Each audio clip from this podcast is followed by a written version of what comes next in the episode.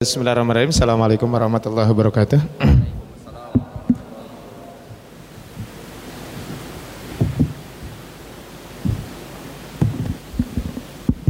Alhamdulillahalamin Wassalatu wassalamu ala ashrafil anbiya wal mursalin Sayyidina wa maulana Muhammadin Wa ala alihi wa sahbihi ajmain Qala Allah ta'ala fil Qur'anil karim A'udhu billahi minasyaitonir rajim Ya ayuhalladzina amanu idha kumtum ila salati Faghsilu wujuhakum wa idiyakum ilal marafiq Wamsahu biru'usikum wa arjulakum ilal ka'bain Taib, uh, Alhamdulillah di hari ini kita bisa berkumpul di tempat ini dan saya mohon maaf karena saya juga terlambat tadi karena terjebak macet ya kodar Allah uh, prediksi saya 45 menit sampai sini. Tadi ternyata satu jam setengah nyampe baru ke sini. Di uh, ya nggak apa-apa lah. Tapi uh, hari ini kita akan membahas tentang bab wudhu ya. Sebenarnya wudhu ini sering kita lakukan. Cuman ada satu hal yang perlu saya sampaikan bahwa Rasul itu berwudhu bukan satu kali. Saya ulangi, Rasul itu wudhu bukan satu kali. Sehingga karena Rasul wudhu bukan satu kali tentu ketika wudhu bersama sahabat A berbeda. Kemudian sahabat lain meriwayatkan dengan riwayat yang yang berbeda. Nah ini adalah harus kita pahami bersama-sama bahwa perbedaan-perbedaan ini tentu harus kita pahami bahwa inilah memang dalam dunia fikih e, pertemuan dua bulan yang lalu kita bahas bagaimana sebuah hukum itu bisa terjadi. Bahkan kalau nggak salah Ramadan dulu saya pernah membahas tentang al-ikhtilaf wa adabuhu ketika acara itikaf kalau nggak salah saya bahas tentang etika berbeda pendapat. Dan ini adalah apalagi kita ketika berbicara sekarang tentang wudhu maka kita pasti akan menemukan beberapa hal yang kaitan dengan perbedaan-perbedaan pendapat ini ya. nah ketika kita terjadi perbedaan seperti ini maka tentu dalam fikih ini adalah kita harus saling bertoleransi ya harus saling ber, bertoleransi contohnya nanti kita bahas ya membahas apa mengusap kepala apakah mengusap kepala itu bagaimana kalau mengusap kepala sebagian atau apakah harus seluruhnya diusap? Atau cukup dengan tiga helai saja? Ada yang bisa mempraktekkan gimana mengusap tiga helai kepala? Rambut? Coba. Nggak ada rambutnya. Tiga helai gimana caranya gitu kan? Nah ini kan perlu kita bahas ya. Contohnya gitu sederhana saja kan itu. Kemudian kalau kita berwudu, boleh nggak kalau kita wudhu kaki dulu, baru kepala, baru tangan, baru muka gitu ya? Atau harus muka dulu, baru tangan, baru rambut, baru kaki. Nah, ini adalah para ulama ketika membahas tentang ini maka mereka berbeda pendapat. Kemarin sempat kita bahas bahwa perbedaan itu sesungguhnya terjadi kenapa? Ketika ada dalil Al-Quran dan Sunnah Nabi, ketika dalil Al-Quran dan Sunnah Nabi itu kemudian bagaimana memahami kaitan dengan Al-Quran dan Sunnah Nabi sehingga para ulama berijtihad ketika memahami itu. Dan ketika memahami tersebut maka akhirnya mereka juga berbeda pendapat kaitan dengan bagaimana aplikasinya ataupun bagaimana kaitan dengan hukum itu. Dan itu sangat banyak ya termasuk adalah kita membahas tentang wudhu makanya kemarin ditanya Ustaz referensinya apa saya referensinya adalah mungkin kalau nanti kalau ada rezekinya silahkan beli buku bulu Maram min Adillatil Ahkam bukunya satu jilid ya ditulis oleh Imam Ibnu Hajar Al Asqalani ya Alimah bin Hajar Asqalani beliau menulis buku namanya Bulughul Maram min Adillatil Ahkam. Bulugh itu artinya sampai, marom itu tujuan. Min Adillatil Ahkam dari dalil-dalil yang kaitan dengan hukum. Jadi Bulughul Maram min Adillatil Ahkam. Nah, ini adalah insya Allah referensinya saya mungkin salah satunya adalah diambil dari situ. Tentu Bulughul Maram itu kan hanya teks hadis yang dikumpulkan oleh Imam Ibnu Hajar Al Asqalani dan teks-teks hadis itu berdasarkan urutan fikih. Nah, kemudian barulah setelah itu mungkin bisa mengambil buku-buku lain syarahnya contohnya banyak syarahnya yang sudah diterjemahkan ke dalam bahasa Indonesia yang saya tahu saja adalah Subulus Salam ya kemudian Fikul Islam Syarah Bulughul Maram itu kalau nggak salah sudah diterjemahkan juga ke dalam bahasa Indonesia kemudian ada yang disebut dengan Taudihul Ahkam Syarah Bulughul Maram atau di bukunya adalah kalau terjemah bahasa Arabnya eh, bahasa Indonesia-nya Syarah Bulughul Maram ya ini adalah ini ini contohnya ya buku yang apa syarah bulgul marum itu. Nah, tapi sekarang kita akan bahas kaitan dengan bab dengan bab wudhu ini. Kalau kita berbicara tentang wudhu, apa sih yang dimaksud dengan wudhu? Itu satu. Yang kedua, apa dalil keutamaan wudhu? Yang ketiga, sebelum kita membahas tentang wudhu, kira-kira apa hikmahnya wudhu? Nah, barulah nanti kita akan membahas tentang apa rukun ataupun hal-hal yang kaitan dengan dengan bab dengan bab wudu ini. Taib. kita bahas dulu sekarang apa yang dimaksud dengan wudhu. Ya. Wudhu itu secara bahasa adalah al husnu wal jamal. Ya. Wudhu itu adalah secara bahasa bersih dan indah. Jadi secara bahasa adalah bersih dan indah. Asal katanya wadoah. Ya. Jadi wadoah, wadoah pakai hamzah itu artinya adalah bersih dan indah. Dan dalam bahasa Arab hati-hati, kita salah mengucapkan itu maknanya bisa berbeda. Coba lihat di sini. Ya. Ini kan wudu. Wudu. Kalau ininya diganti pakai a, u-nya. Jadi wadu apa artinya? Wudu itu pekerjaan. Kalau wadu adalah air yang digunakan untuk wudu. Beda ya? Kalau wudhu ini kan wudhu pekerjaannya. Jadi wudhu itu pekerjaan, sedangkan air yang digunakan untuk wudhu namanya wadu. Tuhurun artinya bersuci. Air yang digunakan untuk bersuci namanya tohurun. Makanya dalam hadis tohuru ina ahadikum. Suhur pekerjaan. Kalau sahur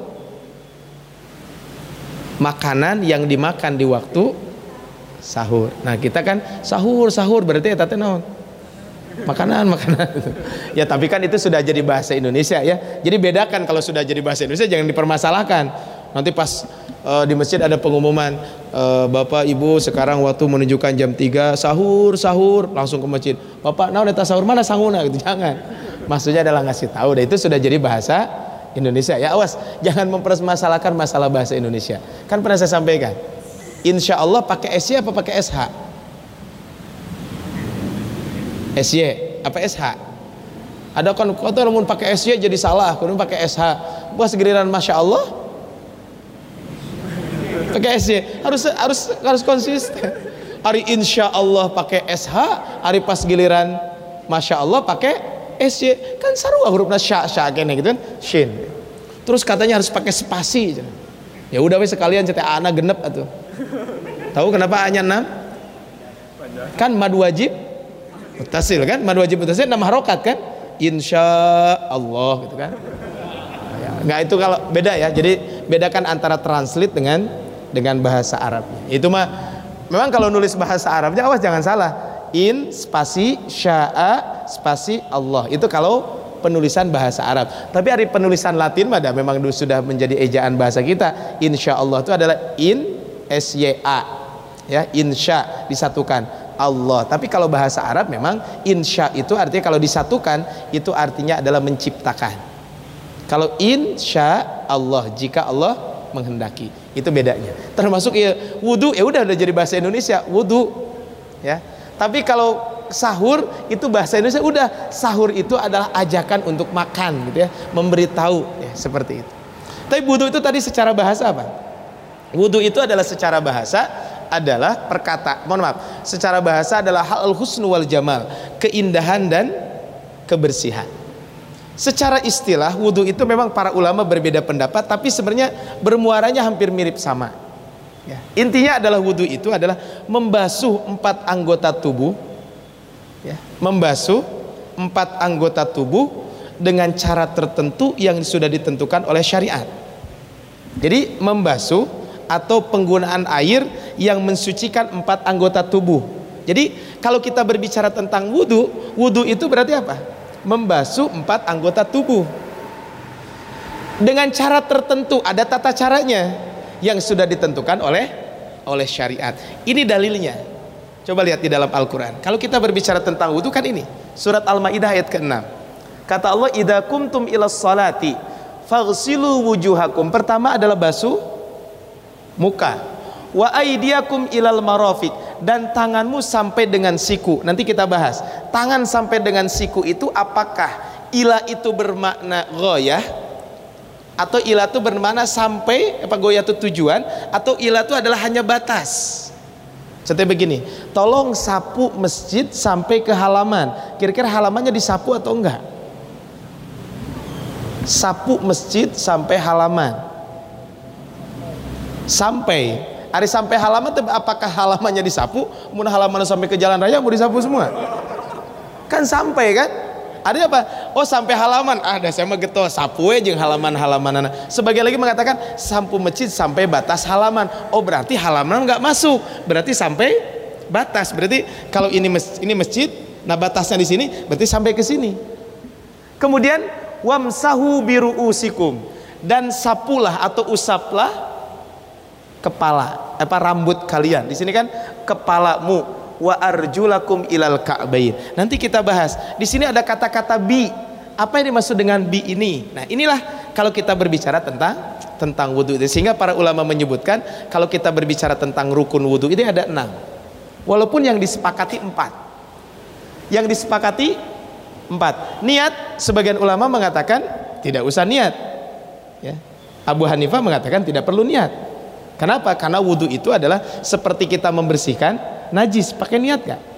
punten kalau cebok niat gak? ada yang niat cebok? nggak ada kan? Nah, tapi sebagian mengatakan niat karena innamal a'malu bin niat. Tapi saya sampaikan ini yang apa? Yang jumhur ulama menyampaikan. Kedua, membasuh wajah. Nanti kita bahas membasuh wajah hadis-hadisnya. Nah, pertanyaannya, kalau hidung itu harus apa? Kumur-kumur apakah wajib atau tidak? Saya kemarin ada yang nanya ke saya, ngirim broadcast ke saya, bukan broadcast, ngirim apa apa player ya namanya yang suka di apa di Instagram di apa gitu kan ngirim ke saya. Ustaz mohon maaf bagaimana pandangan Ustaz tentang tulisan ini? Bahwa kalau kita berwudu tidak kumur-kumur maka wudunya tidak sah. Pernah dengar itu? Pernah? Pernah dengar atau barusan? Baru dengar? Ya alhamdulillah kalau tidak pernah dengar. Tapi kalau nanti dengar gimana nah nanti kita bahas apa yang dimaksud dengan wajah di sini ada yang punya temannya jenggotnya segini ada? Oh dicukur itu ya. Kalau ibu-ibu nggak ada yang berjenggot ya. Jenggot. Nah, batasan jenggot apa? Kalau jenggot yang kayak saya mah segini kan cukup diusap juga kena kan.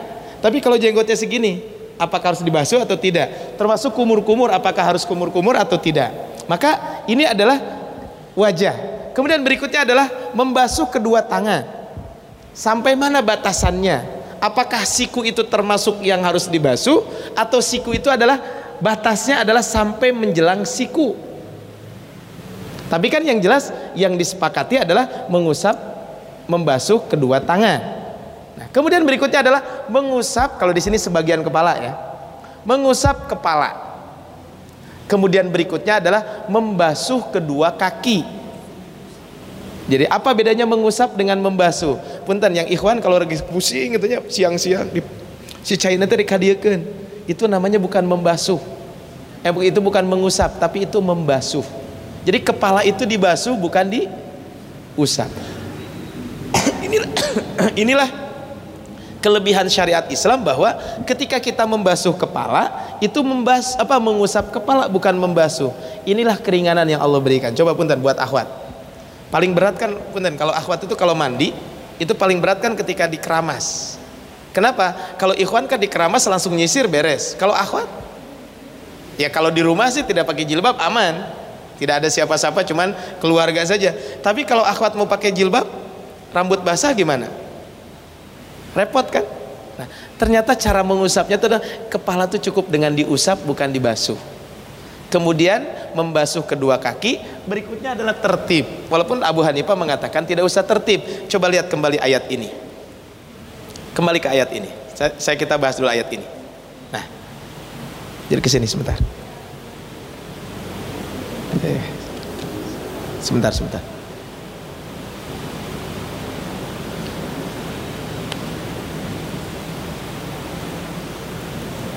Ya, sebentar. Ya. Jadi kalau kita lihat di sini kata Abu Hanifah apa kata Abu Hanifah bahwa kalau kita wudhu maka tidak usah mengusah apa tidak usah tertib menurut Abu Hanifah. Ini oh sebentar udah. Coba lihat di sini ya dalilnya. Coba lihat di sini dalilnya. Nah, basuhlah wajah kalian dan kedua tangan kalian dan usaplah kepala kalian dan basuhlah kaki kalian. Kira-kira ini harus urutan atau tidak? Kayak gini. Saya nggak tahu tadi yang pertama masuk di sini. Contohnya di sini ada empat nama. Ada Ahmad, ada Muhammad, ada Ibrahim, ada Ahmad, Muhammad, Ibrahim, uh, apalagi Abdullah contohnya. Fil masjid Muhammadun wa Ahmadu wa Ibrahimu wa Abdullah. Kira-kira yang pertama masuk siapa? Hah? Siapa yang pertama masuk? Fil masjidi di masjid ada Abdullah dan Ibrahim dan Ahmad dan Muhammad. Siapa yang pertama kali masuk? Nggak tahu kan siapa? Kan di masjid ada kan nggak tahu. Tapi kalau begini mah di apa di masjid ada yang masuk satu Muhammad kemudian ini kan ini enggak tapi di sini menggunakan dan sehingga kata Abu Hanifah ya kalau wudhu nggak mesti urutan nggak apa-apa tapi jumur ulama mengatakan maka ini adalah harus ter tertib. Ini adalah kaitan dengan wudhu. Makanya kalau kita berbicara tentang wudhu, makanya tadi wudhu itu adalah membasuh empat anggota ini dengan cara dengan cara tertentu yang sudah ditentukan oleh syariat. Itu kalau kita berbicara tentang tentang wudhu. Ya. Kalau kita berbicara tentang wudhu, ya. Kapan disyariatkan kita berwudhu? Ya. Memang kalau kita berbicara tentang syariat wudhu adalah disyariatkan kita berwudu itu adalah satu ketika kita mau sholat jadi kalau mau sholat kita harus berwudu karena disebutkan la sholat liman lima apa liman la wudu alahu tidak ada sholat bagi yang tidak ada wudu baginya jadi kalau kita mau ber apa mau melaksanakan sholat maka diwajibkan kita berwudu.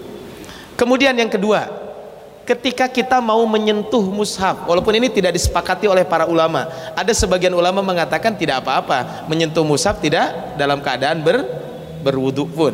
Tapi ya kita ambillah salah satu pendapat ulama mengatakan adalah menyentuh mushaf. Bukan membaca ya tapi menyentuh mushaf. Yang ketiga adalah nah ini disebutkan dalam hadis Allah ya masal Quran illa tahir kemudian khutbah Jumat dan yang keempat adalah tawaf Nah, yang disepakati oleh para ulama itu adalah dua. Satu ketika mau sholat, dua ketika mau tawaf. Itu disepakati. Kalau mau sholat, maka kita harus berwudu. Termasuk ketika mau tawaf, maka kita harus ber berwudu. Adapun menyentuh mushaf, sebagian ulama mengatakan tidak dalam keadaan suci pun tidak apa-apa. Eh, termasuk kalau khutbah Jumat, karena kan yang diwajibkan untuk berwudu hanya ketika ketika sholat saja. Tawaf jelas harus berwudu karena tawaf itu kata Rasul tawaf di Ka'bah itu adalah solat cuman yang membedakannya adalah Allah telah membolehkan untuk berbicara saat tawaf. Kan kalau so lagi solat nggak boleh ngobrol. Kalau antum ada telepon nggak boleh diangkat dulu. Kalau ke solat nggak boleh. Atau ada WA dibaca hela gitunya. Makanya ada kan zaman sekarang saya nggak tahu di sini kalau di sini Qiyamul Lail di depan suka ada musab nggak nggak ada imamnya nggak pakai apa nggak pakai musab Nah, kalau ada pakai mushaf gimana? Boleh atau enggak? Nah, oke okay lah kan sebagian ulama mengatakan boleh, sebagian mengatakan tidak. Terus bagaimana kalau pakai apa? Pakai handphone. Boleh enggak? Salat ketika salat qiyamul lail biar rada lama kita ataupun pas ikut qiyamul lail di sini, kemudian kita hafalannya terbatas gitu karena 29 juz. Sisa Kebetulan yang dibaca uh, surat yang belum dihafal gitu ya. Bisa hafalannya eh 29 atau juz 29? kan beda tipis ya ada jus 29 ada jus 29 jus contohnya apa? Boleh nggak pakai handphone? Ya karena mushaf itu sebenarnya apa? E, mushaf itu adalah kalau kita berbicara tentang mushaf maka para ulama mengatakan sebenarnya hukumnya itu adalah apakah melihat mushaf itu termasuk gerakan yang dilarang atau tidak itu kan nah terus kalau sekarang kan masalahnya pakai handphone handphone kan digini juga apa bedanya dengan pakai mushaf kalau pakai mushaf kan kalau pindah halaman Susah kan kalau kalau handphone? Tinggal scroll sekali aja. Cuman masalahnya kan kalau handphone sekarang kalau paket datanya nyala. Itu kan yang masalah. Tiba-tiba teng WA. Nah, itu kan boleh atau tidak itu bab lain. Nah, tapi kalau tawaf kan itu beda yang membedakan tawaf kalau tawaf di telepon, saya sedang tawaf di telepon, assalamualaikum, waalaikumsalam, angkat aja nggak apa-apa. Tawaf sambil jalan sambil nelfon itu nggak apa-apa sambil ngobrol. Cuman kan masa lagi tawaf sambil ngobrol ngerumpi gitunya. Atau di grup WA ternyata kertawaf buka grup WA gitunya. Atau buka grup lain wah tapi diskusi sedang tawaf asa keterlaluan mulai gitu ya. tapi kan bedanya itu. Nah tapi yang disepakati sekali adalah sholat dan dan tawaf taib. Ini adalah kalau kita berbicara kaitan dengan yang disyariatkan ketika ketika tawaf. Taib. Sebelum kita lanjutkan apa kira-kira keutamaan berwudu? Keutamaan berwudu itu yang pertama adalah berwudu itu akan menghapus dosa-dosa kita. Jadi kalau kita berwudu, maka ketika berwudu kita akan dihapus dosa-dosa kita. Jadi akan dihapus dosa-dosa kita. Rasul menyampaikan dalam sebuah hadis, kata Rasul dalam sebuah hadis, apabila seorang hamba muslim, seorang hamba yang beriman. Berwudu, kemudian ketika dia berwudu, kemudian maka apa? Dia membasuh muka maka semua dosa yang dilakukan oleh muka itu akan diampuni oleh Allah Subhanahu wa taala. Sebanyak air yang mengalir di muka tersebut bahkan sampai tetesan terakhir. Ini kata Rasulullah. Kalau melakukan apa? Kemudian membasuh tangan maka tangan yang kita apa? Setiap dosa yang dilakukan oleh tangan maka Allah akan mengampuni dosa-dosa tersebut ketika kaki yang kita basuh maka Allah akan mengampuni dosa-dosa yang dilakukan oleh kaki kita. Cuman dosa-dosa yang dilakukan apa yang di apa yang akan diampuni itu adalah satu dosa kecil, yang kedua dosa kaitannya dengan Allah. Ke masjid gitu ya pakai sendal orang gitu ya. Terus angkewer kudu gitu ya. Diampuni dosanya ya enggak itu mah ya, karena dosa kaitan dengan sesama manusia. Pas lihat itu lewat depan rumah tetangga, mangga di depan, ambil gitu ya. Kata Ustadz kan nanti akan diampuni dosanya. Enggak itu mah ya, kalau itu harus minta maaf. Harus minta maaf sama sama yang punya mangganya bisi we gitunya. Ada yang, ada yang pernah ngambil begitu? Nggak ada ya? Janganlah jangan dilakukan. Itu yang pertama ya. Akan mengampuni dosa-dosa kita. Yang kedua adalah wudhu itu merupakan ya cara nanti Rasulullah SAW akan membedakan umat Nabi dengan enggak sehingga kita mendapatkan syafaat kan nanti disebutkan di dalam hadisnya dalam bulgul marom disebutkan bahwa setiap apa nanti orang yang berwudu itu dosanya akan Tadi kan dosa yang. Yang kedua adalah kan disebutkan bahwa orang yang itu gurun wahjalina min atharil wudu. Wajahnya, tangannya akan bercahaya karena bekas wudu. Kan satu hari Rasul mengatakan, maka umat kan nanti ketika di padang mahsyar kan banyak semuanya gitu. Saya tadi sempat uh, baca surat Al-Fatihah, tafsir surat Al-Fatihah. Kenapa Allah mengatakan Maliki Yaumiddin? Allah itu kan penguasa atau raja hari pembalasan. Kenapa rajanya cuma hari pembalasan? Iya kan? Kenapa rajanya hari pembalasan? Kan sebelumnya alhamdulillah rabbil alamin. Artinya apa? Allah Rob semesta alam. Kenapa disebutkan hari pembalasan? Karena di hari pembalasan itu adalah semua kaum akan berkumpul semuanya. Kan kalau sekarang ada yang pernah ketemu dengan penjajah Belanda? Ada di sini yang ketemu? Tete-tete ada yang pernah ketemu dengan company? Nggak ada kan? Nggak pernah ketemu kan? Nah, kalau nanti di hari kiamat semuanya ketemu kita dengan umat sebelum-sebelum kita sampai akhir umat di akhir zaman itu akan ketemu semuanya sehingga itu Malik Yaumiddin. Nah, ketika itu kan orang sangat banyak. Kemudian Rasul ingin memberikan syafaat kepada umatnya. Bagaimana membedakan umat Nabi? Maka kata Rasulullah SAW dalam hadis tersebut, kan sahabat bertanya, bagaimana cara membedakannya? Kata Rasul, kalau ada kalau ada kuda hitam, semuanya kudanya warna hitam kemudian tiba-tiba ada kuda warna putih kira-kira ketahuan nggak? Nah itulah umat Nabi Shallallahu Alaihi Wasallam.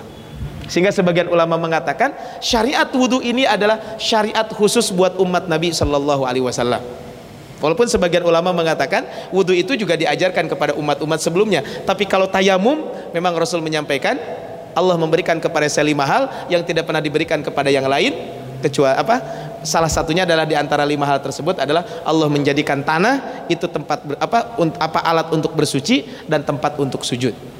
Artinya kita kalau tidak ketemu air maka boleh berwudu, apa boleh kita tayamum menggunakan tanah tersebut. Nah, jadi ini adalah yang kedua untuk membedakan umat Nabi itu dengan apa?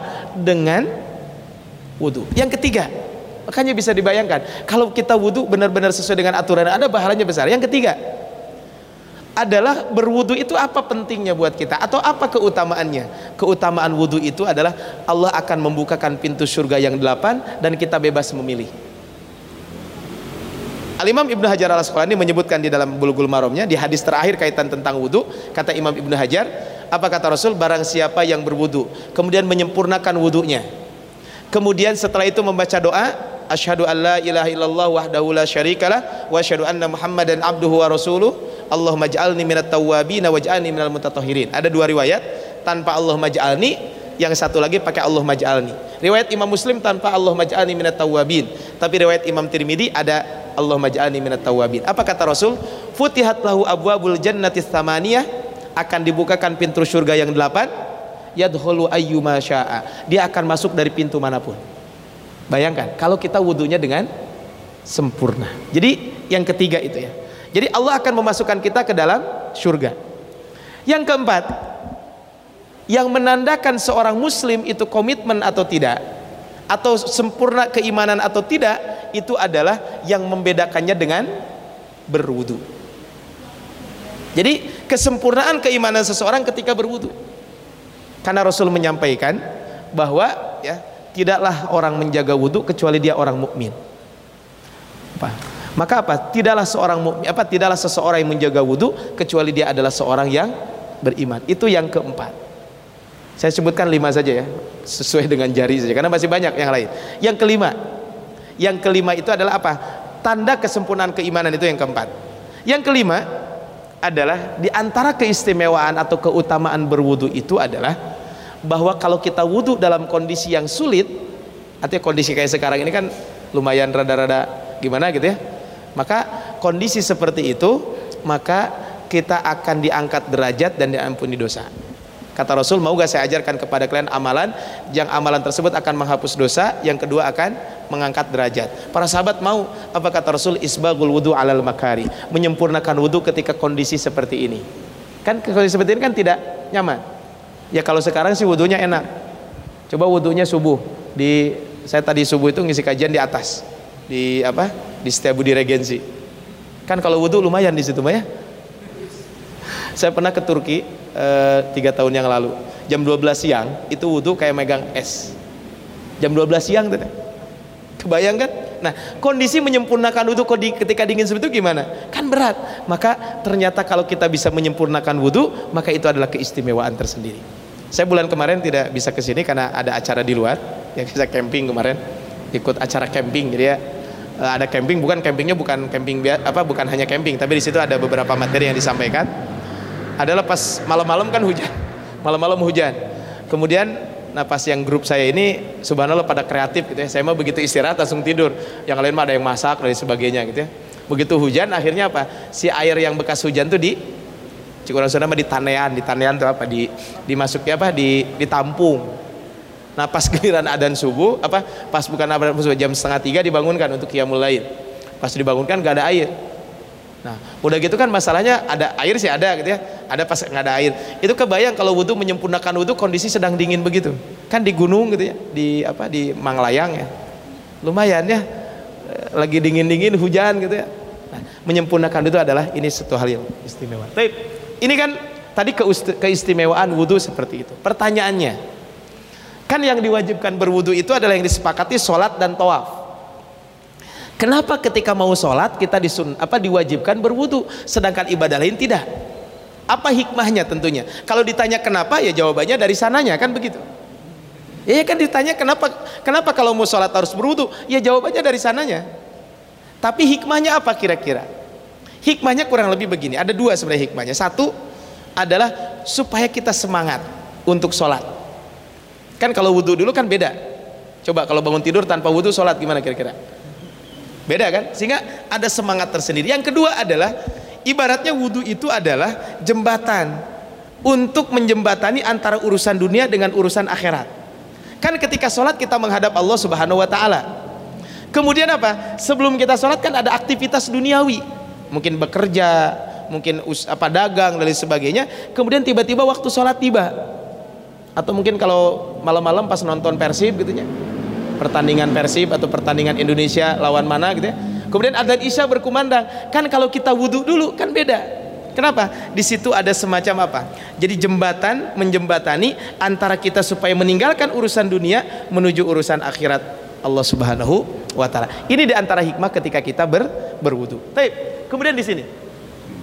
Kan di sini disyaratkan berwudu. Artinya wudu itu wajib untuk sholat dan tawaf. Kapan wudu itu disunnahkan?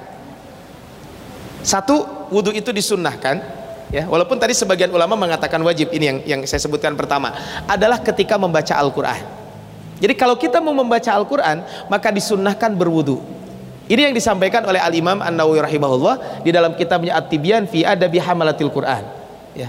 Maka kata Imam Nawawi rahimahullah beliau mengatakan kalau kita berwudu apa kalau kita baca Quran disunnahkan dalam keadaan suci baik suci tempatnya suci pakaiannya termasuk suci apa badan kita dari hadas. Itu yang pertama.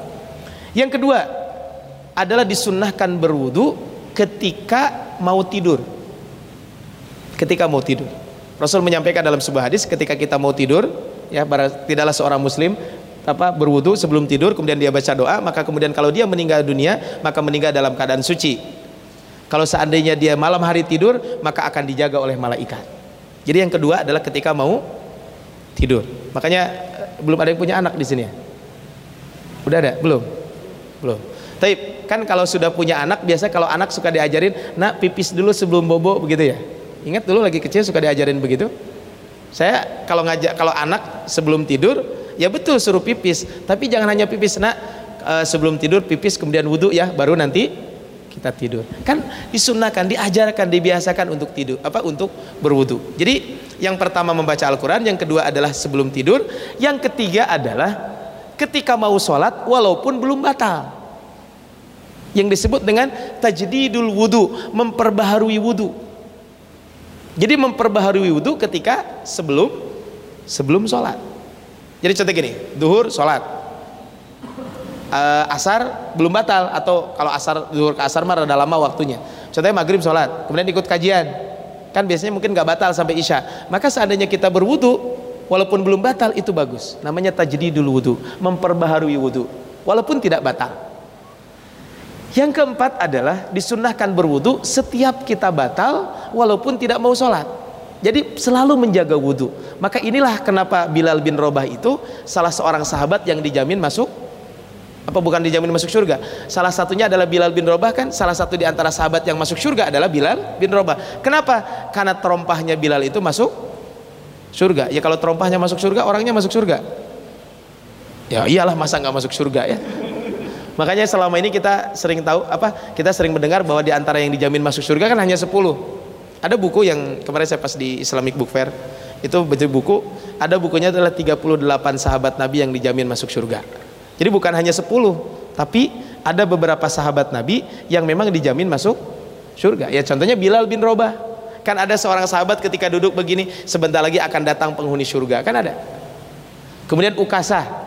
Ukasa kan kata Rasul apa nanti akan ada 70 ribu dari umatku akan masuk surga tanpa hisab kemudian Rasul udah ya pergi ke rumah ke kamarnya.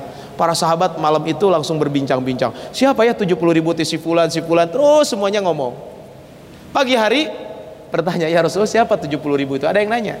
Maka kata Rasul la yatatoyarun. Orang yang tidak tatoyur. Tatoyur itu percaya kepada burung. Maksud percaya burung itu kalau sekarang mungkin percaya kepada ramalan.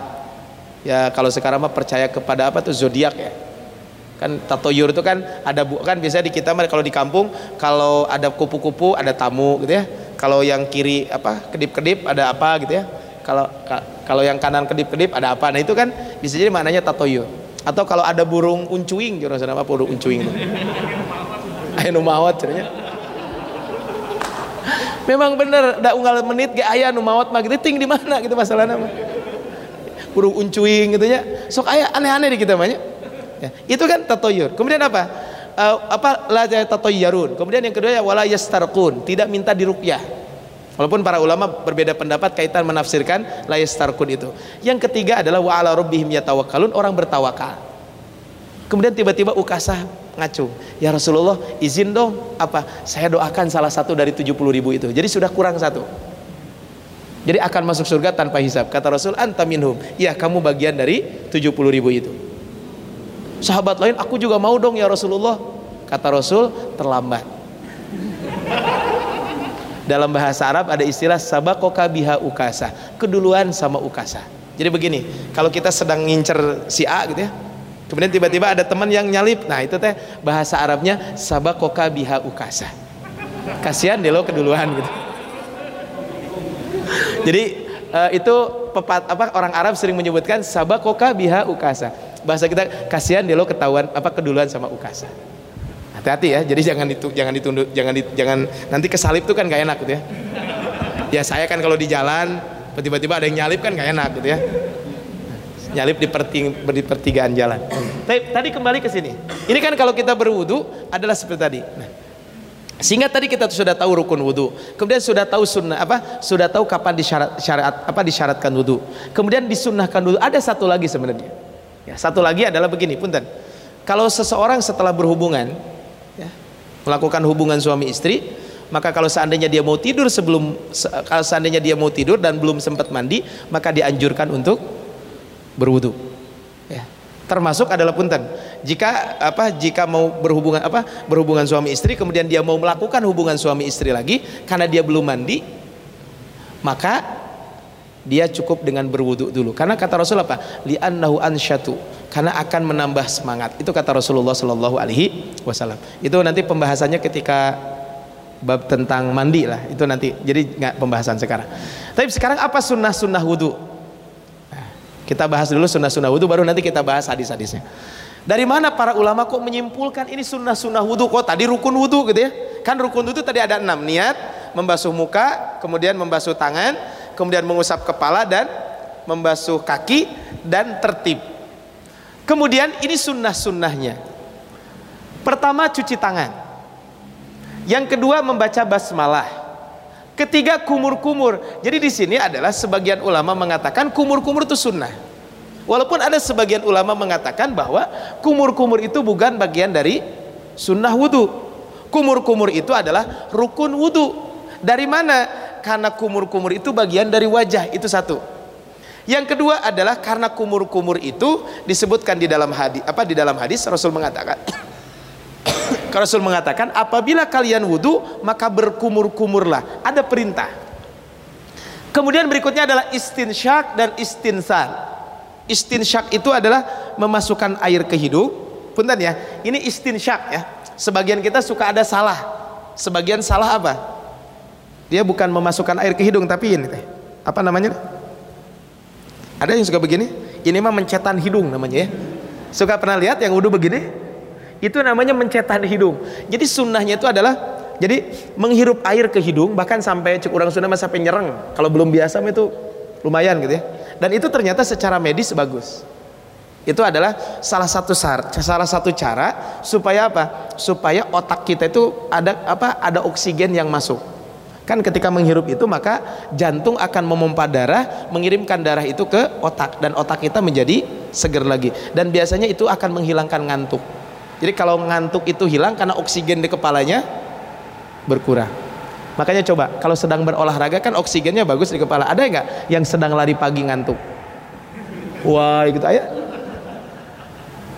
Kalau akhwat olahraganya apa? Panahan atau apa?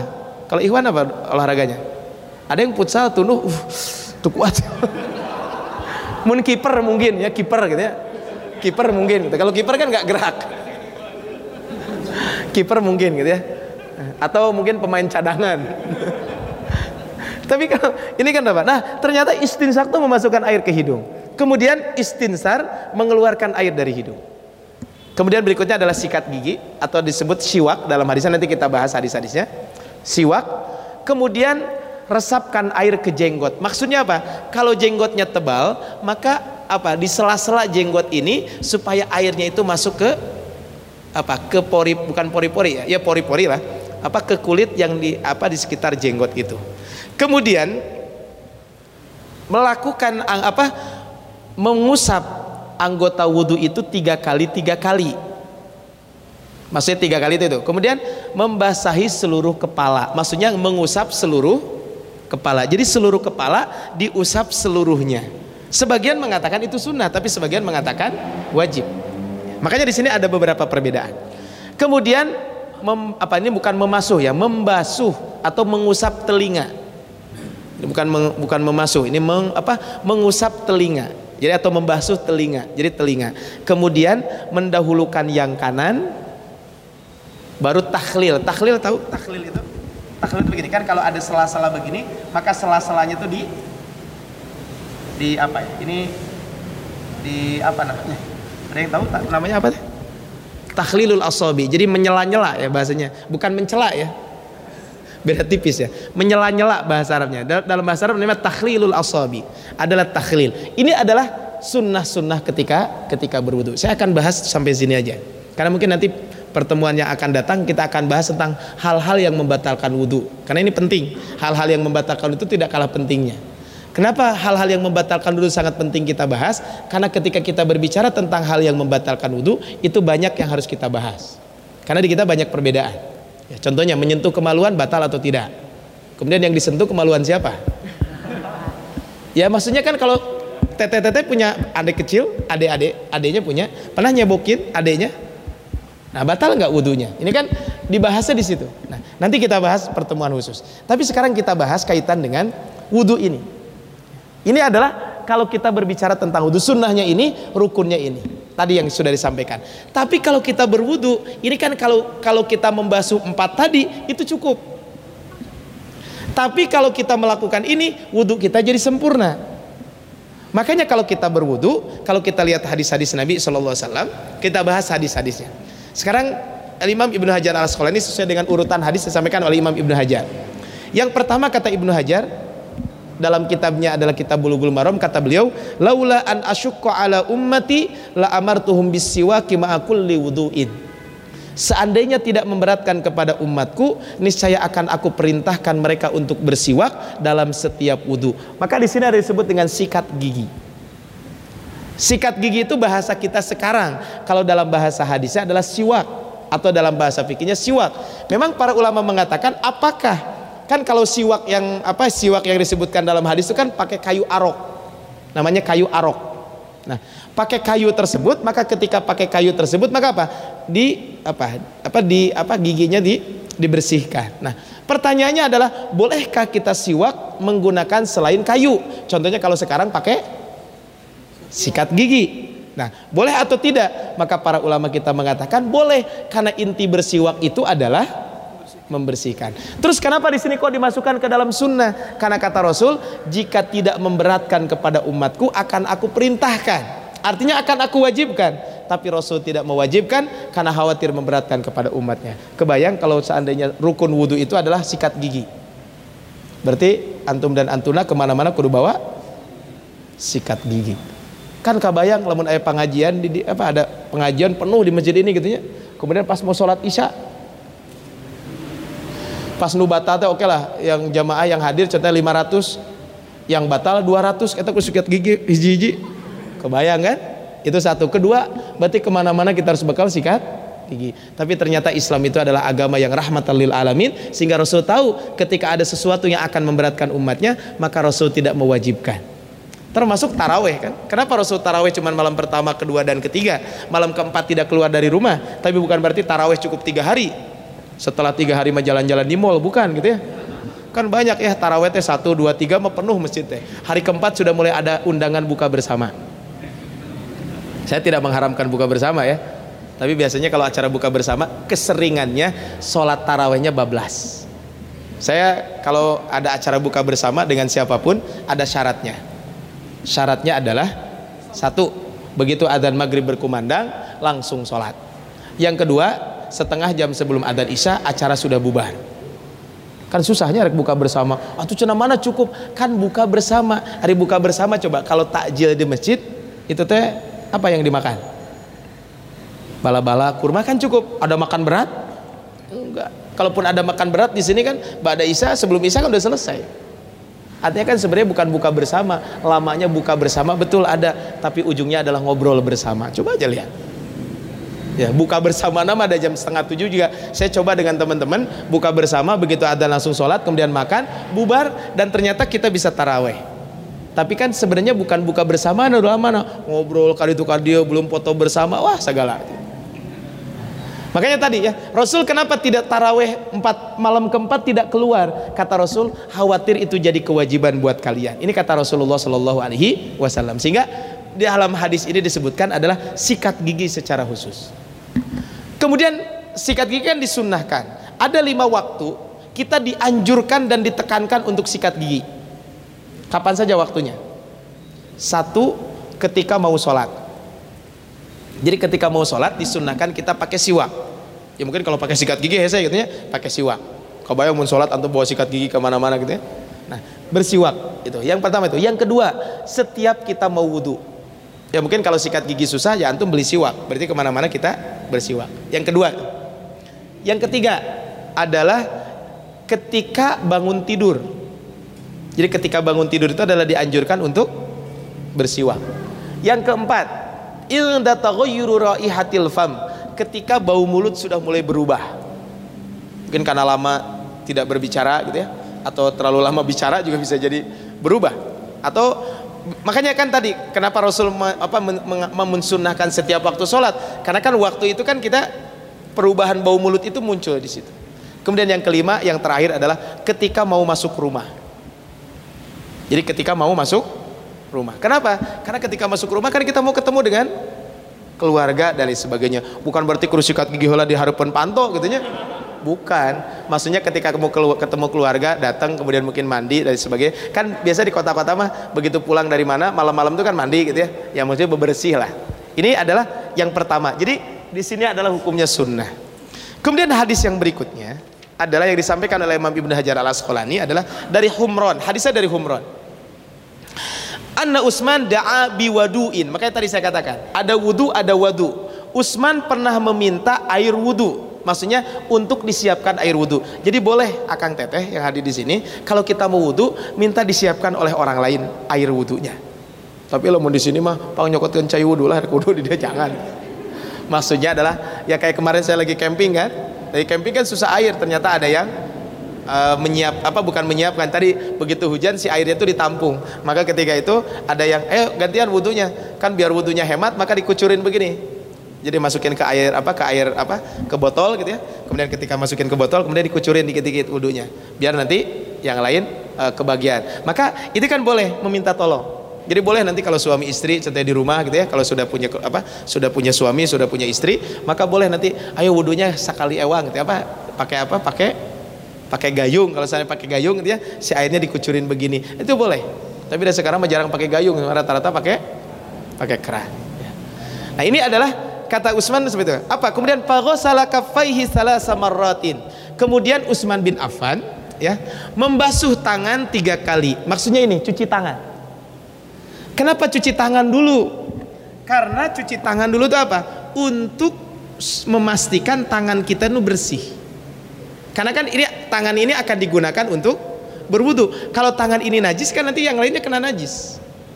Ini kan khawatirnya seperti itu. Apalagi zaman dulu kalau berwudu, kalau zaman dulu kan kalau berwudu itu menggunakan apa? Bejana kan? Kalau saya zaman dulu masih menggunakan em, apa ember. Jadi kalau menimba dulu setelah itu langsung wudhu. Kan kalau langsung dicemplungin ke ember tersebut, kalau tangan kita najis berarti air yang ada di ember jadi najis.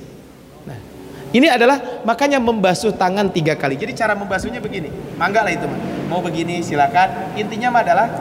Nah, tapi karena ini ada sela-sela, maka di takhlilul asabi kita sela-sela seperti ini.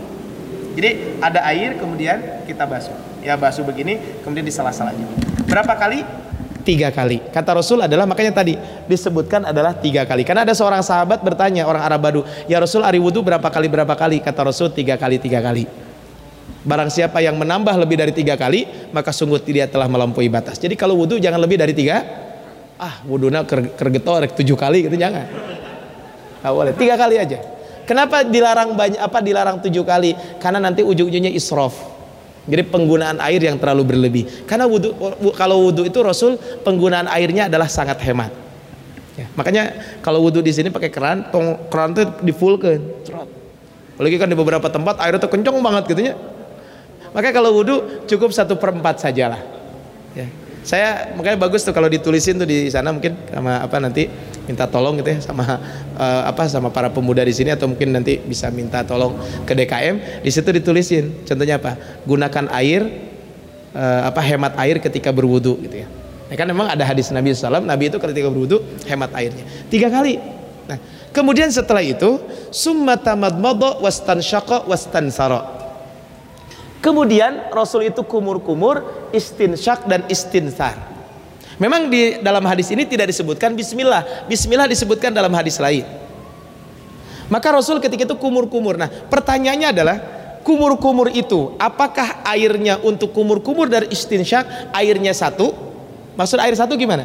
Begini, saya kumur-kumur, kemudian sebagian kumur apa selesai apa kumur-kumur, kemudian sebagian saya masukkan airnya ke hidung. Atau kumur-kumur, kemudian setelah itu ambil air untuk hidung contohnya. Kan kumur-kumur tiga kali, kemudian ambil air untuk hidung tiga kali. Maka ya dua-duanya ada riwayatnya. Dua-duanya ada riwayatnya. Yang jangan mah adalah antum kumur-kumur masukin ke tangan masukin ke hidung. Itu nggak ada riwayat. Itu mah nggak ada riwayatnya ya. Awas bisi. Pakai hemat enggak itu mah riwayatnya nggak ada ya riwayatnya itu adalah apakah kan dalam riwayat mengatakan Nabi itu mengambil air untuk kumur-kumur dan untuk hidung itu dengan air yang berbeda ada riwayat seperti itu. Tapi riwayat lain mengatakan Rasul ngambil air untuk kumur-kumur dan untuk hidung dengan satu air yang sama. Maksudnya apa? Ambil air, kumur-kumur sebagian, kemudian masukin air ke hidung istinsyak dan dikeluarkan setelah itu. Jadi ini adalah setelah itu adalah kumur-kumur. Ini dalam hadis ini. Memang dalam hadis Utsman itu tidak disebutkan tiga kali. Beliau hanya menyebutkan summa syaqa wastan saro. Tidak disebutkan tiga kali. Tapi di dalam hadis lain. Makanya tadi kalau kita berbicara tentang wudhu, Utsman apa Rasul itu wudhu tidak satu kali, berkali-kali. Kata Utsman, ini wudhunya cuma sekali kumur-kumurnya. Dan dalam hadis ini tidak disebutkan apakah ngambil air dua kali atau satu kali. Tapi kalau lihat dari redaksi hadis, ini menggunakan wau, artinya berarti airnya adalah sama. Menurut redaksi ini, tapi hadis lain mengatakan berbeda. Maka di sini adalah kumur-kumur. Kalau basmalah, basmalah itu adalah di dalam hadis lain kata Rasul la wudu aliman lam yadkurismallahi ali tidak ada wudu bagi orang yang tidak mengucapkan bismillah jadi kalau kita wudu berarti ya ambil air ya cuci tangan kemudian setelah itu kita apa ambil air untuk kumur-kumur tiga kali ya. Kemudian setelah itu ambil air untuk hidung tiga kali masukin air kemudian keluarkan terus. Jadi jangan masukin tiga kali aja masukin keluarin masukin keluarin. Ya itu jangan. Awas antum. Ditahan. Nanti antum olap gitu awas jangan ya. Jadi masukin air keluarkan dan itu adalah disunnahkan tiga kali kemudian setelah itu summa ghassala apa summa ghassala wajahu thalatha marratin coba lihat Hadis Utsman tidak disebutkan tiga kali, tapi ketika membasuh muka, kemudian Utsman membasuh muka tiga kali. Itu kata Hamran. Membasuh muka tiga kali. Batasan muka itu mana teh? Telinga sampai telinga. Jadi ujung telinga sampai ujung telinga. Kemudian dari batasan tempat tumbuhnya rambut yang normal, ya, sampai dagu di sini. Nah, makanya di sini, apakah jenggot termasuk wajah atau tidak? Ini para ulama memang berbeda pendapat. Sebagian mengatakan jenggot itu termasuk bagian wajah, sehingga kalau kita membasuh muka termasuk membasuh jenggot. Sehingga tadi sebagian ulama mengatakan kumur-kumur itu bagian dari wajah. Dikuatkan dengan hadis Nabi, apabila kamu wudhu maka kumur-kumurlah. Jadi ada perintah. Sebagian memahami, oh berarti kumur-kumur itu wajib karena bagian dari muka. Sebagian lagi mengatakan enggak, karena muka itu adalah memang betul hidung bagian dari muka, mulut bagian dari muka. Tapi kalau dalam hidung kan bukan bagian dari muka. Karena yang namanya wajah adalah mayah sulubihil muwajah, yang nampak kelihatan oleh kita. Itu namanya wajah. Sehingga kumur-kumur itu tidak mesti seperti itu. Kemudian berikutnya adalah setelah kita kumur-kumur apa setelah kita kumur-kumur kemudian memasukkan air hidung kemudian membasuh muka. Maka memang kalau kita membasuh muka bagusnya adalah pakai ambil pakai tangan kanan kemudian tangan kiri ikut kemudian ke muka. Ya mukanya begini boleh. Terserah intinya adalah air itu menyeluruh ke seluruh muka. Tiga kali tiga kali itu bukan begini sok air kan tiga kali bukan tiga kali itu adalah muka tiga kali kemudian begitu ya jadi ambil pakai tangan walaupun boleh dua-duanya begini Nah kalau kita pakai gayung, apa? Maka pakai gayung, maka ambil pakai gayung tangan kiri. Mau diginiin juga boleh. Itu boleh-boleh saja ya, silakan saja. Tapi kan lebih bagus adalah kalau hadis Nabi kan Rasul kan yuk jibuhut tayammun. Rasul tuh mencintai yang kanan. Artinya pakai tangan kanan ambil kemudian ke muka. Kemudian tangan kanan ambil turun ke muka. Kalau mau diguyurkan oleh temennya Tapi kalau sekarang kan rata-rata pakai keran ya, pakai keran ambil tangan kanan kemudian ke muka. Walaupun pakai tangan kanan dua-duanya boleh-boleh juga. Ya. Intinya adalah bagaimana air itu menyeluruh ke muka kita. Jangan sampai sedikit pun ada yang kelewat. Karena kalau sekecil apa sebesar kuku saja terlewat maka itu wudhunya tidak sah. Nah itu kan berapa kali? Tiga kali. Satu kali boleh, boleh. Yang penting seluruhnya keusap. Jadi intinya wudhu itu adalah seluruh anggota tubuh itu adalah ter terbasuh ya nah tapi sunnahnya adalah tiga kali maka di sini adalah sunnahnya tiga kali kemudian setelah itu ya kalau jenggotnya panjang disunnahkan untuk menyela-nyela jenggot seperti ini kalau Ikhwan yang jenggot siapa nggak ada ya oh jenggotnya sedikit atau metu kedua tuh kalau Ahwat nggak ada yang berjenggot saya jadi nggak nanya ke Ahwat yang berjenggot terus kalau kumis nabah plang kumis itu sunnahnya adalah di apa kumis itu sunnahnya dipotong Ya, dalam bahasa Arab namanya kos, apa dalam hadis kosus syarib. Jadi kumis itu dipotong.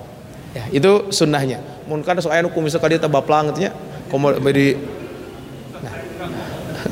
Jadi itu ya. Jadi apa? Kalau jenggotnya pan, apa jenggotnya tebal maka apa? Disunnahkan untuk meresapkan air ke jenggot apa? Di sela-sela. Supaya apa? Supaya air itu nyampe ke kulit. Kalau yang panjang memang ada yang mengatakan wajib dibasuh jenggot itu sebagian lagi mengatakan sunnah saja ya oh, jenggotnya panjang gitu ya sunnah saja kemudian setelah itu summa ghassala yadahul yumna ilal mirfaq salasa marratin kemudian membasuh apa membasuh tangan sampai ke siku tiga kali. Maka ambil air kemudian nah ambil air ke tangan kanan kemudian ke sini tiga kali.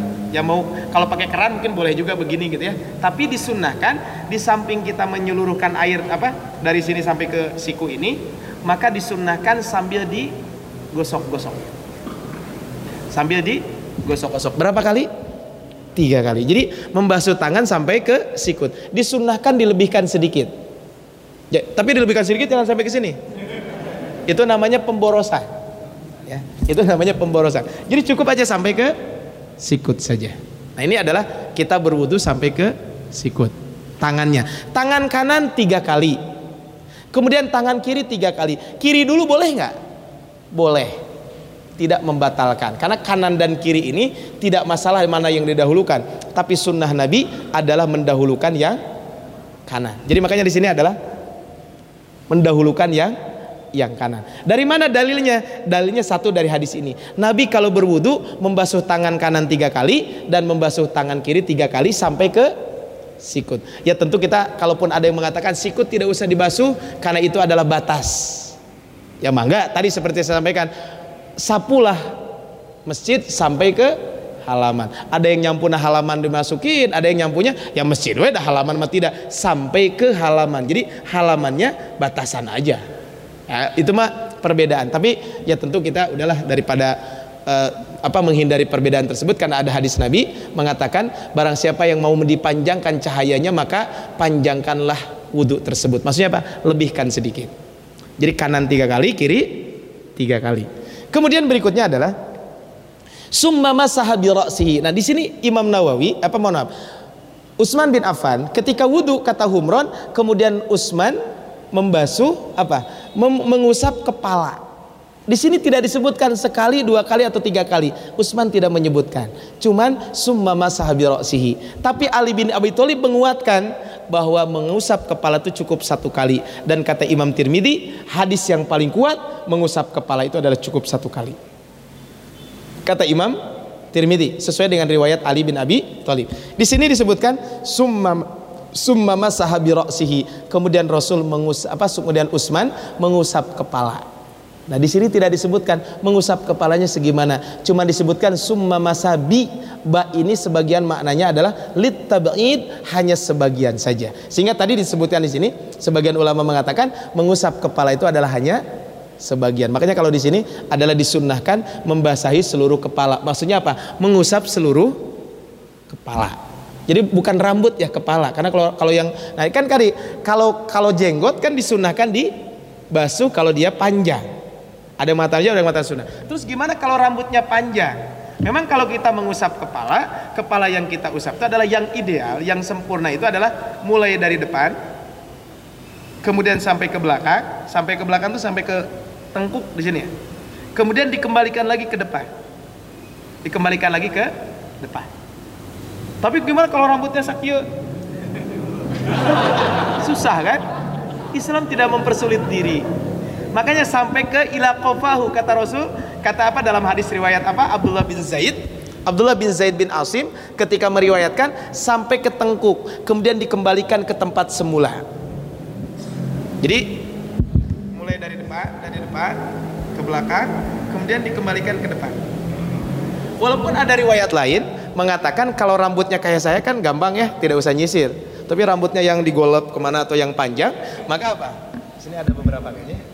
Nah, maka ikuti alur rambut.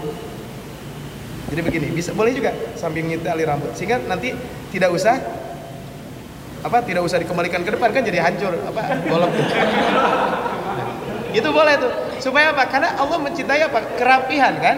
Allah mencintai keindahan. Nah tetap ikuti jalur rambut udah sampai belakang saja cukup. Ahwat contohnya kan? Ahwat sih udah pakai jilbab ya. Kalau ikhwan kan? Ya, walaupun tadi kalau mau begini juga boleh-boleh juga ya. Walaupun ada riwayat mengatakan ambil air, kemudian simpan di sini di tengah, kemudian kedepankan, kemudian ke belakangkan. Ada juga riwayat seperti itu.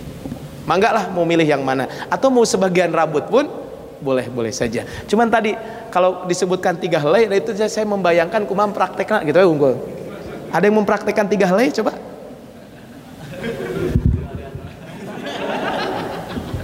Nggak pernah ya? Makanya tadi sebagian saja. Ya kalaupun ada yang mengatakan itu ya mangga aja silakan saja. Saya juga tidak akan menyalahkan. Kalau dalam madhab, madhab Imam Malik, maka itu apa? Rambut harus diusap semuanya. Tapi dalam madhab Syafi'i nggak usah, cukup sebagian saja. Nah, ini kan ketika kita memahami itu tidak gampang menyalahkan orang. Oh, ya tesah wuduna kan enggak. Ya kayak tadi kan gak gampang. Oh berarti kalau kamu tidak kumur-kumur tesah wudhunya kan gak gampang seperti itu. Menurut saya tidak sah, mangga. Tapi menurut orang lain yang mungkin punya dalil lain, ya udah berbeda silakan saja. Jadi hadis ini tidak menjelaskan mengusap kepala bagaimana caranya. Kemudian summa ghassala rijlahul yumna salah samarratin. Kemudian membasuh kaki kiri, eh, maaf, kaki kanan tiga kali sampai mata kaki. Dan disunahkan ketika kaki, maka apa? Si kakinya itu di sela-sela. Pakai ini nih. Pakai apa? Pakai jari apa ini teh? Kelingking ya. Kenapa tidak pakai jempol? Bisa gede teuing gitu asuh. Kan ayah nu, ada yang jari itu kan sama gitu antara jempol dengan ini kan ada juga. Nah, ya pakai ini, disunahkan di sela-sela. Kenapa? Khawatir nanti ada yang ada yang kelewat. Berapa kali? Tiga kali. Sampai mana? Sampai mata kaki. Makanya ilal ini sampai mata kaki. Kanan tiga kali, kemudian kiri tiga kali. Apa kata Usman? Qala raaitu Rasulullah sallallahu tawaddu'a nahwa wudu'i hadza. Kata Usman, beginilah tata cara wudu Nabi. Kira-kira tadi ada yang kelewat gak dalam wudu ini? wudhu Utsman ini. Kata Utsman, beginilah tata cara wudhu Nabi. Ada yang kelewat gak? Satu, baca bismillah ada nggak tadi? Gak ada. Telinga ada atau enggak? Gak ada ya. Nah, makanya kalau kita kalau kita hanya menilai satu hadis ya seperti ini. Padahal Utsman bin Affan mengatakan beginilah tata cara wudhu Nabi. Karena mungkin Utsman pernah melihat Nabi wudhunya seperti itu. Karena makanya di sini telinga itu adalah hanya dimasukkan ke dalam sunnah. Ada yang mengatakan telinga harus dibasuh karena telinga itu bagian dari kepala. Telinga itu adalah bagian dari kepala. Maka dalam riwayat lain mengatakan dalam sebuah riwayat ya di dalam Bulgul Maram disebutkan, dalam riwayat itu disebutkan ketika mengusap kepala, nah kan kepala terus telinga kan? Mengusap kepala ke depan, eh, ke belakang, kemudian dibalikin ke depan, kemudian ngambil air lagi, kemudian masukkan apa ini? Telunjuk. Kemudian setelah itu nih ibu jari apa ibu jari jempol kemudian di luar memutarkan begini. Telinga itu diusap bukan dibasuh. Telinga itu diusap ya walaupun ada yang dibasuh mangga mangga saja terus ada nggak yang telinganya dulu telinganya kanan baru kiri ada yang pernah lihat begitu ya karena mungkin tadi karena kan kalau yang ini kan telinga ada dua nih telinga kanan telinga kiri berarti mendahulukan yang kanan baru yang kiri. Telinga ini sebagian ulama karena bagian dari kepala, maka cukuplah mengusap telinga itu adalah cukup satu kali dan airnya tidak usah dua kali juga boleh. Jadi begini. Ini langsung ke telinga. Itu boleh. Atau mengusap kepala, kemudian ambil air, telinga. Itu juga dua-duanya ada riwayat dan riwayatnya mangga kita mau milih yang mana silahkan saja kaitan kaitan dengan itu. Ini kata Utsman bin Affan. Kalau kita lihat hadis-hadis lain, ternyata hadisnya beda-beda. Tapi kurang lebih adalah tata cara wudhu yang sempurna itu begitu. Mulai dengan Bismillah, kemudian cuci tangan tiga kali, kemudian kumur-kumur tiga kali, kemudian memasukkan air ke hidung tiga kali dan dikeluarkan lagi. Kemudian setelah itu membasuh muka tiga kali. Nah, kemudian setelah itu membasuh tangan sampai per, apa sampai apa sikut. Kemudian setelah sikut adalah apa masuk apa telinga apa telinga. Sampai sikut kemudian mengusap kepala tiga kali. Kemudian telinga tiga apa mohon maaf mengusap kepala satu kali. Mau tiga kali boleh tapi kata Imam Tirmidzi hadis yang paling kuat cukup sekali. Kemudian telinga satu kali. Kemudian setelah itu kaki satu apa tiga kali kemudian kaki kanan dulu tiga kali kaki kiri tiga kali kemudian setelah itu baca doa asyhadu alla ilaha illallah wahdahu la syarikalah wa asyhadu anna muhammadan abduhu wa rasuluh Allahumma ja'alni minat tawwabina waj'alni minal mutatahhirin Nah, selesailah tata cara wudhu kalau kita membaca tata cara wudhu Nabi SAW. Adapun ada beberapa perbedaan itu memangga tinggal saling melengkapi. Contohnya di sini, ini sunnah tapi menurut lain wajib. Ya mangga saja itu mah. Nah yang yang disepakati mah empat, muka, tangan, kepala dan kaki. Itu yang disepakati. Cuman ketika membahas kepala apa yang dimaksud apa membahas muka muka itu mana wae gitu kan. Itu aja yang menjadi perbedaan kaitan dengan itu. Terus buat akhwat mungkin ini ada keringanan buat akhwat seandainya di tempat terbuka yang memang sulit untuk berwudu melepas jilbab. Kalau jilbabnya jilbab apa jilbab katun mungkin ada gampang ya. Inilah ke kemudahan syariat. Kenapa? Ketika mengusap tuh ada boleh sebagian atau semuanya. Maka bagi akhwat tentu kalau di tempat terbuka agak kesulitan melepas jilbab cukup dengan atasnya saja diusap Bukan diguyur pakai air ya, awas jangan diguyur. Diguyur mah basah, diusap atasnya saja. Termasuk kaitan dengan kaki. Kaki juga akhwat cukup dengan diusap, mengusap kaos kaki saja. Ini adalah keringanan yang Allah berikan buat siapa? Buat akhwat. Dan buat ikhwan juga boleh. Kalau ikhwan kan nggak pakai jilbab ya, jadi nggak usah diusap jilbabnya. Tapi ikhwan kalau seandainya kondisi sangat dingin, saya kemarin ketika camping itu tidak lepas kaos kaki dan tidak lepas sepatu. Maka setiap sholat cukup dengan mengusap kaos kaki saja. Dan itu adalah keringanan yang Allah berikan kepada kepada kita semuanya. Itu barangkali yang bisa sampaikan di hari ini. Mudah-mudahan bermanfaat ya. Saya kayaknya nggak usah ada tanya jawab kali ya. E, kalau ada tanya jawab mungkin bisa ke WA aja ya. Kan nomor apa pertemuan berikutnya juga boleh nanti kita biar lebih apa waktunya ya mungkin karena tadi mau mohon maaf saya karena terlambat mulai setengah lima jadi harusnya kan tadi saya jam 4 sudah mulai mudah-mudahan nanti pekan apa bulan depan mah tidak kejebak macet gitu ya Nah tadi kejebak macet. Mungkin kalaupun ada pertanyaan, mangga mungkin bisa nge-WA ke saya aja kan nomornya waktu itu pernah disampaikan atau mungkin bisa tanya juga ke apa ke para para murobinya karena ini murobian kan berarti ada murobinya gitu ya. Nah kepada para murobinya bisa tanya nomor saya. Mungkin kalau ada pertanyaan mangga. Tapi mungkin kalau ada delay sedikit jawabannya mohon mohon sabar saja bisa saya sedang tidak apa megang handphone dan sebagainya. Demikian disampaikan mudah-mudahan bermanfaat. Saya kembalikan kepada MC mangga.